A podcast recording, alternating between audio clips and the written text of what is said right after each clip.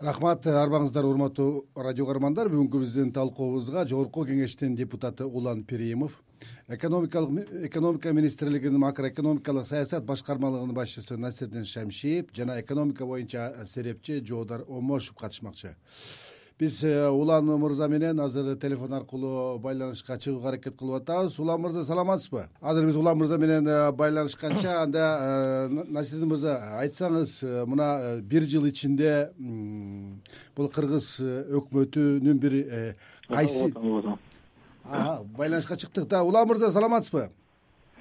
Саламатсыздар мына э, мухаммедкалый абылгазиевдин баштаган өкмөттүн ишине мына бир жыл толуп отурат. Э, эгерде бир таразалап карап көргөндө э, бул өкмөттүн мындай жетишкендиги жана кемчилиги деп талдап келгенде сиз бир кайсы бир маселелерди бир бөлүп көрсөтө алар элеңиз?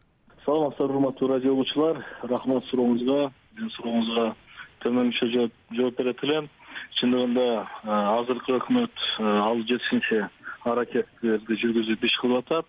Андан кийин эми негизги жетишкендиктердин бири деп бул коопсуз шаар долбоорунун ишке кириши деп айтат элем. Себеби дегенде бул долбоор ишке кириши менен биздин ордо калабызда ал эле жон алан мамлекетибизде э, бир топ э, иретке келтирилип ошондой эле аны менен кошумча биздин мамлекетибиздин бюджетине бир топ акчалар түшө баштады. Андан кийин ошону менен бирге эле э, кемчиликтер дагы жок эмес. Э, буга сиз айтып өткөндөй э, мына акыркы эле баткен окуясы алдын ала иштер жүргүзүлгөн эмес. Ошол эле биздин экономикабызда бир топ акча каражаттары сыртка чыгып кеткендиги боюнча дагы талкуу болуп атат. Себеби дегенде ага ушул биздин чалгындоо каржылык чалгындоо кызматы тарабынан ушул кимдин канча акча каражаты бар кандай счету бар э, банк ячейкада кимдин акчалары бар дегенден кийин бул албетте инвесторлорду ушул экономика жаатында иштеп аткан биздин бир топ э, инвесторлорду болобу өзүбүздүн ички инвесторлорду бир топ чочулатып э, кандайдыр бир экономикалык мындай коопсуздукка дагы шек келтирген жагдайлар болду деп айтсак болот ушул жаатта рахмат. Анда биз менен да байланышта болуп туруңуз. Дагы суроолорубуз болот. Э, насирдин мырза мына жогоруда биздин депутатыбыз э, айтып атат бир топ кемчиликтерди. Бирок мен сизге конкреттүү э, суроо берсем мына акыркы бир жылда бул экономиканын негизги көрсөткүчү болгон мына өндүрүш тармагын жандандыруу же болбосо бул жогорулатуу маселесинде бир кайсы бир долбоорлорду кайсы бир иштерди айта алабызбы эми биринчиден конечно тиги депутаттар бул саясат жагын айтса биз мен жанагы экономика жагын гана эметейин. Себеби дегенде бизге биздин э, түздөн түз э, баягы кызматыбызга.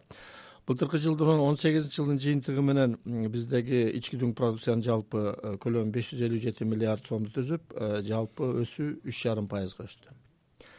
Ошонун ичинде баардык эле тармактарда өсүш болду. Эми эгерде ошол өнөр жай тармагын алып келсек өнөр жайда Э, былтыркы жылы үч беш жарым пайызга өсүш болду. Беш жарым пайызга өсүш болду. Бул кумтөр менен кош эсептегенде. Эми э, негизинен э, бул өнөр жайы биз айтып келебиз эң негизги тармак болуп эсептелет. Ушул жалпы өзү ички дүң продукция он сегиз бүтүн ондон алты пайыз болду эгерде он экинчи жылы он эки бүтүн ондон сегиз пайыз болсо күлүшү азыркы жыл азыркы мезгилде он сегизинчи он сегизинчи жылдын жыйынтыгы менен сегиз э, он сегиз бүтүн ондон алты пайыз түздү. Конечно ал жерде э, кумтөрдүн көлөмү чоң э, дээрлик кырк беш пайыздан жогорураагы кумтөр ээлейт бирок ошого карабастан негизинен ушул он сегиз пайызга карабастан кыргызстандын экспортунун сексен пайызын өндүрүш берет. Ошол эле мезгилде салыктын кырк пайызына жакынын ушул өндүрүш төлөйт туура былтыркы жылы э, бир топ э, өнөр жайда бир топ э, өзгөрүү болду. Алып келсек алып келгенде маселен биздин чоң ири ишканаларды алып келсек биринчи вот арабандагы цемент заводу реконструкция болду тоо кен тармагында дагы өтө бир кыйла э, өсүш болду. Ал жерде э, бозумчак иштамберди талды булак сол жээк компаниялары кумтөр былтыркы мурунку жылга караганда көбүрөөк алтын өндүрдү. Эми конечно баягы кемчиликтери жок эмес. Маселен бизде кайра иштетүү тармагы жалпы өндүрүштүн үлүшүндө он беш пайызды ээлейт бирок ошого карабастан биздин айыл чарба продукциясынын болгону жыйырма пайызын гана кайра иштетебиз. Нарсис мырза мынабу бизде кыргызстанда төрт негизги приоритеттүү тармак деп эсептелгендердин бирөөсү мисалы айыл чарбасы болсо ошо айыл чарбасы бизде болгон ички продукциянын он бир он бир пайызын он бир пайызын түзөт экен. Мына акыркы беш алты жылдан бери эле он бир мындай өсүш деңгээли дегенге жок болуп атпайбы бул эмне токтоп калдыкпы бул демек айыл чарбасы өнүкпөйт деген сөз болуп атат. Да жок бул жерде мындай да э, ал жерде маселен э, чындыгында он алты он экинчи жылы он алты бүтүн ондон алты пайыз болсо азыр он бир бүтүн ондон алты пайызга келдик. То есть түшүп кеттик где то беш пайызга. Бирок бул деген э, айыл чарбасын өнүкпөйт дегенден алысмын. Ал башка тармактардын э, өзүнүн э, үлүшүнүн көбөйгөнү болду. Маселен э, курулуш тармагы сегиз бүтүн ондон сегиз пайыз болуп атат азыр. Мен айткандай он сегиз бүтүн ондон алты өнөр жай азыр көлөмү жогорулап атат. Себеби дегенде акыркы жылдары мына россия кыргыз өнүктүрүү фондунан бир үч жүз үч миллион долларлык долбоор жактырылган жаңы ишканаларды алып келсек алты миң үч жүз жетимиш бир жаңы жаңы орундар түзүлдү. Анда дээринен э, жетимиш жети жетимиш сегиз миңден ашыраак жумушчу орун түзүлгөн. Ошонун арасында жанакы э, жеке ишкерлердин деп эсептейбиз где то жетимиш жети миңи ал эми андан башка вот жаңы болуп жаңы түзүлгөн ишканаларда алты миң үч жүз жетимиш бир бул алты миң деген бул туруктуу иш орундары туруктуу иш орундары жаңы түзүлгөн ишканалардын ичинде. жетимиш миң дегениңиз бул бир эки айга үч айга патент менен иштегендердин ичине кирип атат деп туурабы эми методология ошондой да. Методология боюнча э, э, стат комитеттин анан тиги э, биздин социалдык өнүктүрүү министринин методологиясу ошо жаңы баягы индивидуальный порядке деп коет жеке ишкерлердин ошолордун жумушу болуп азыр жодор мырзанын пикирин уксак жодор мырза мына маалыматтарда азыркы өкмөттү бул акыркы бир жылда чечкиндүү бир кадамдарды жасаган реформалык аракеттерди көргөн жок деген сын көп айтылат. Сиздин оюңузда кандай? Бул сынга кошуласызбы эгерде кошулсаңыз анда анын себебин эмнеден көрөсүз? Бул өкмөттүн азыркы өкмөттүн чабалдыгыбы же болбосо сырткы ички бир тоскоол болгон факторлор барбы саламатсызбы саламатсыздарбы урматтуу угуучулар. Негизи эле ар бир өкмөттү сындап коюш оңой эле бирок э, мен ойлойм бир жылдык убакыт деле бир өкмөткө бир баа бергенге э, көп же аз дегенден деле узакмын. Негизи бирок мен э, факт түрүндө кеп салганга аракет кылып берейин сиздерге. Мен сизге мындай айтайын эки миң он биринчи жылдан баштап эле деги эле орто жана кичи өлчөктөгү ишканалардын текшерүүлөрү азайды бир топ эле азайды азыр мындай айтайын сизге расмий иштеп жатсаңыз э, сиздин эч кандай мамлекеттик органдар менен проблемаңыз болбойт. Эми азыркы эң негизги проблемалардын бириси бул э, көмүскө экономикада. Анан азыркы өкмөтүбүз бул тармак боюнча канчалык ийгиликтүү иштеп жатканын көрө жатарбыз. Азырынча буга бир баа берүүдөн мен алысмын жок азыркы өкмөт теневой экономика менен иштей албай жатат десек болобу анда жок мен андай дегенден алысмын такыр. Себеби жакшы эле иштеп жатышат. Э, муну деген биз статистикадан көрүп жатабыз. Э, бюджетте э, мисалы чет өлкөдөн кирген товарлардан түшүп жаткан акчалардан деле муну байкасаңыздар болот. Мен эми бир топ эле такыр эле жоюлду дегенден алысмын. Себеби кыргызстандын түштүгүндө болсун өзбекстан тажикстандан кирип аткан товарлар болсун ошол эле убакта түнүктөгү казакстан тарабынан кирип аткан товарлар болсун эми э, чек арага деген ар бир метрге эме коюп кое албайт экенсиз э, пограничниктерди. Э, мындайча айтканда контрабанда мурдага караганда балким пайызы бир аз төмөн десек болот бирок ошол эле убакта уланып эле атат. Муну биз базарларды көрүп эле жатабыз. Себеби чет өлкөдөн келип аткан товарларды алып кирип аткандан кийин ошол убакта ошондой эле товарлардын дагы Э, салык төлөнбөй бир топ эле арзан баада кирип атканын көрүп атабыз. Мындайча улам мырза улам мырза саламатсызбы? Дагы бир жолу. Саламатсызбы э, өткөн э, он сегизинчи жылы кыргызстанга он жетинчи жылыга салыштырганда отуз үч пайыз сырттан инвестиция аз келди деген маалыматтар айтылып атат. Ошол эле учурда кыргызстандан төрт жүз миллион доллардан ашык капитал чыгып кетти деп атат да бул цифраларда бул статистикаларда бул маалыматтарда канчалык деңгээлде бул менен өкмөттүн ишинин бир жоопкерчилиги же болбосо бир жетишкендиги мындай натыйжасы десек болот? Эми кайсылдыр бир деңгээлде бул өкмөттүн дагы жүргүзгөн саясатында ишине карата баа берилсе болот десек дагы болот. Бирок ошол эле учурда биз унутпашыбыз керек. Биз евразия экономикалык э, биздин мүчөсүбүз э, бул жерде бүгүнкү күнү биз могу россияга карата кандай санкциялар киргизилип атат кандай жалпы дүйнөдөгү экономикалык тенденциялар дагы бунун баардыгы сөзсүз түрдө бизге түздөн түз таасирин тийгизет. Бирок ошол эле учурда биз ушул ички өзүбүздүн инвесторлор болобу тышкы инвесторлор болобу саясий туруктуулугубузду э, саясаттагы экономикадагы туруктуулукту багыт алып э, турсак албетте бул көрсөткүчтөр дагы э, кайсылдыр бир деңгээлде төмөн болушу мүмкүн эле. Бул бир эле өкмөткө көз каранды эмес бул жалпы мындайча айтканда бир топ баягындай көрсөткүчтөрдүн негизинде аныкталат да.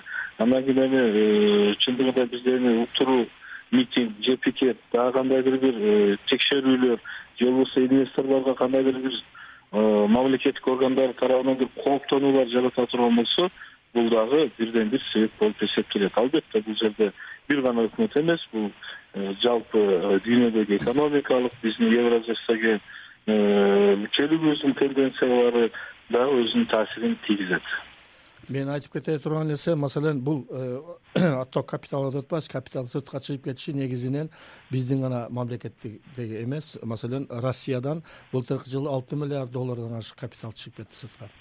Бизден сыртка бизден маселен эгерде он сегизинчи он жетинчи жылы жети жүз жыйырма төрт миллион доллар капитал чыгып кетсе былтыркы жылы э, капиталдын чыгып кетиш агымы беш жүз жыйырма үч эле миллион болду то есть бул жерде э, кандайдыр бир деңгээлде э, оң оң көрсөткүч бар. Дагы айтып кетейин бул акчалар кимдин акчасы? Эми бул каражаттар бул инвесторлор өздөрүнүн акчасы. процесс булар кирип ооба. чыгып турат. Бирок ошол эле учурда мен жогоруда айткандай бул биздин экономикабызга дагы жалпы биздин ушул инвестиция жаатында дагы жүргүзүлүп аткан саясатка дагы көз каранды. Э, маселен мен кошумча айтып кетейин былтыркы жылдагы жакшы жасап аткан иштердин бири бул э, бизнес омбудсмендин э, түзүлүшү. Бул дагы болсо түзүлүп бүт элек да азыр түзүлүп бүт элек бирок саясий чечим кабыл алынды. Бул биринчи экинчи экинчиден үч жылга жанагы текшерүүлөргө мораторий жарыяланды бул дагы болсо э, баягы бизнесмендердин ишкерлердин ишинин мындай э, коопсуз иштегенге алып келет. Үчүнчү үчүнчү тарап алып келе турган болсок мына көмүскө экономика деп атпайбызбы биздин э, экономика министрлиги көмүскө экономиканын экономика боюнча он экинчи жылда гана бир изилдөө жүргүзгөн экен деңгээлин эмеси боюнча. Азыркы бизде мына апрелдин аягы менен ошол изилдөө жүрүп жатат. Ошо изилдөө бүткөндөн кийин ошол изилдөөнүн жыйынтыгы менен ошол көмүскөдөн чыгаруу боюнча иш чаралар кабыл алынат. Бул дагы болсо жакшы э, жөрөлгөлөрдүн бири. Жоготор мырза мына э, капиталдын өлкөдөн чыгып кетиши бул дүйнөлүк тенденция деп э, айтып атпайбы назир мырза? Анан кийин сиз айтсаңыз бул кыргызстандан беш жүз миллион доллардын чыгып кетиши канчалык деңгээлде бул биздин экономикабызга же болбосо зыяны же болбосо пайдасы же болбосо бир мындай капара калбай турган эле нерсеби эми негизи улан мырза айтып кеткендей эле бул э, инвестициялар кирип чыга берет. Бул нормалдуу э, түрдө бир көз караш менен караш керек. Э, мисалы сырттан келген бир инвестиция бизден мисалы жылына жыйырма пайызда бир маржа менен оокат кылып атса ал башка бир мамлекетте жыйырма беш пайыз көрсө ошол эле себептен ал инвестицияны тартып кайра ошол мамлекетке кетип калышы мүмкүн. Бул жерде деген сөзсүз түрдө бул жерде же биздин калкыбыз же биздин өкмөтүбүз жаман деп чыккандан алыс болуш керек ал деген башка жерден башка бир мындайча айтканда кызыкчылык көрүп атса ошол себеп менен чыгып кетиши мүмкүн ошол эле убакта биздин өкмөттөн же болбосо биздин жергиликтүү калктардан мисалы алтын кен тармагында иштеп аткан деле ишкерлер көрүп атпайлыбы биз деген экология экология боюнча же болбосо башка бир себептерден улам ар кандай проблемалар чыгып атат эми муну деген мүмкүн болушунча өкмөт ошол жерде жергиликтүү калк менен чечип проблеманы э, чечкенге аракет кылыш керек деп эле ойлойм улан мырза мына э, өкмөттүн чабаал иштеп жатышына кошумча кылып койсом болобу кошумча кылып койсом болобу. Бул жерде мисалы биздин могу э, жалал абад областындагы болуп өткөн алтын кениндеги окуя былтыркы жылы. Сөзсүз түрдө муну дүйнө коомчулугу көрдү. Бизге инвестиция тартып келебиз. Ушул жерде э, кандайдыр бир иш аракеттерди көрөбүз деген инвесторлор дагы кайсы бир бир деңгээлде алар дагы ошол ошол окуядан кийин.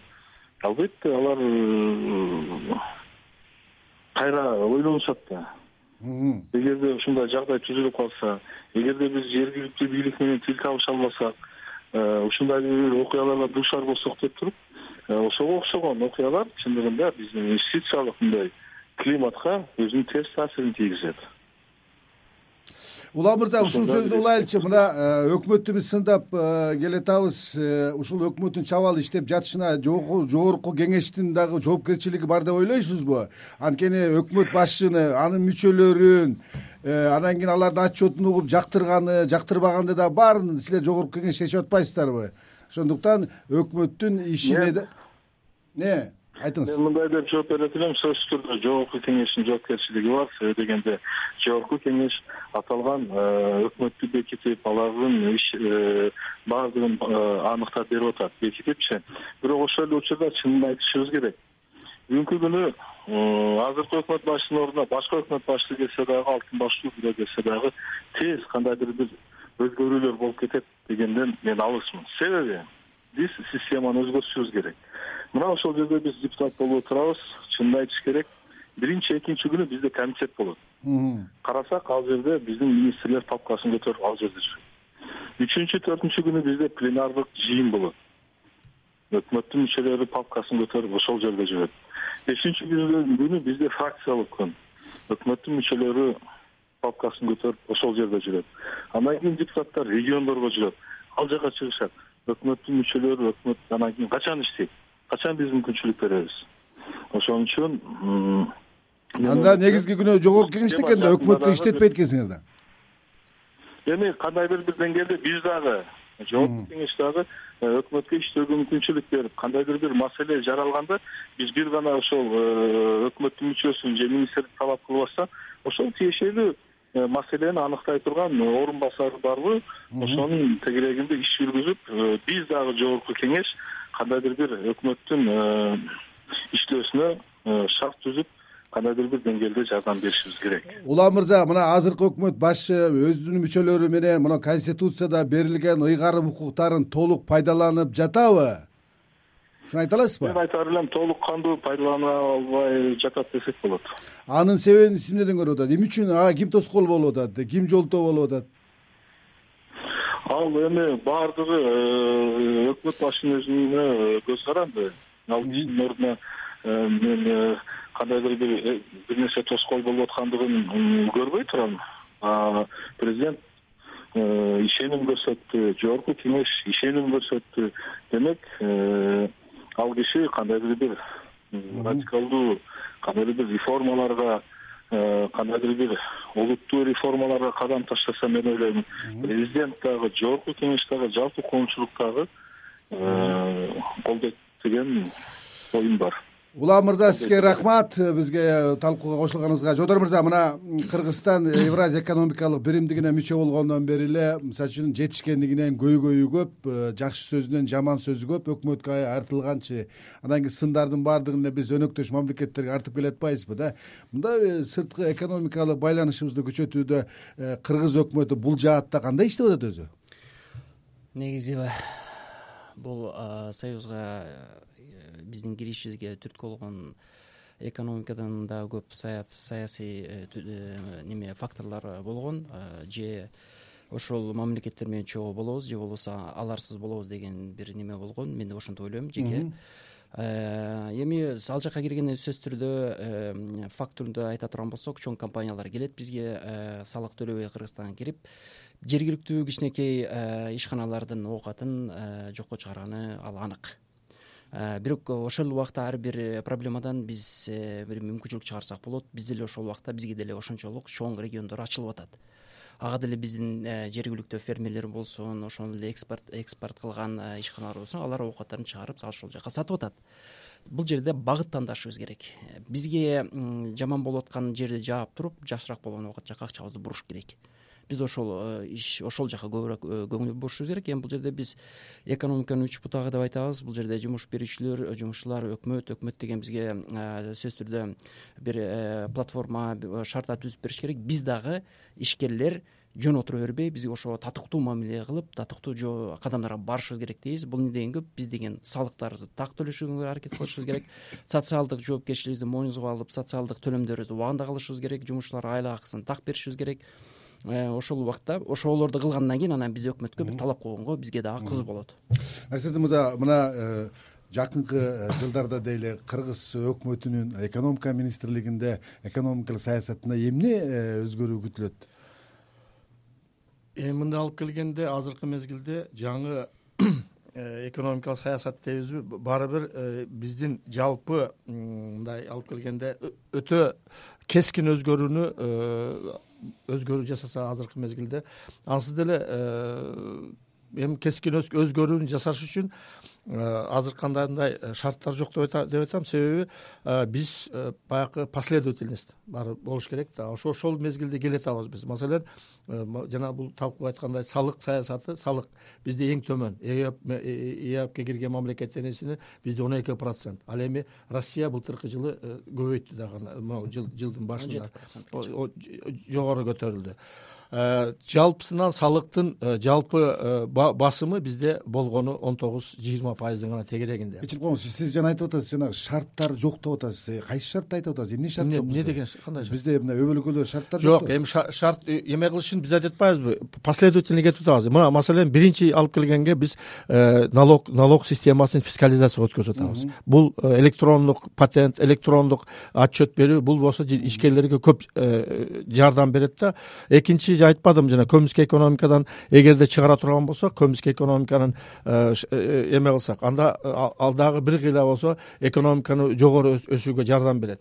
Бул дагы экинчи экинчи багыт. Жанагы айткандай бизнес облсменди жакшыртып атабыз үчүнчү багыт биз э, инвестиция жөнүндө законду жаңы жаңы редакциясын киргизип атабыз. Бул дагы болсо баягы инвестицияны тартып келүүгө жеке мамлекеттик өнөктөштүктү өндүрүүгө жакшы түзүш керек.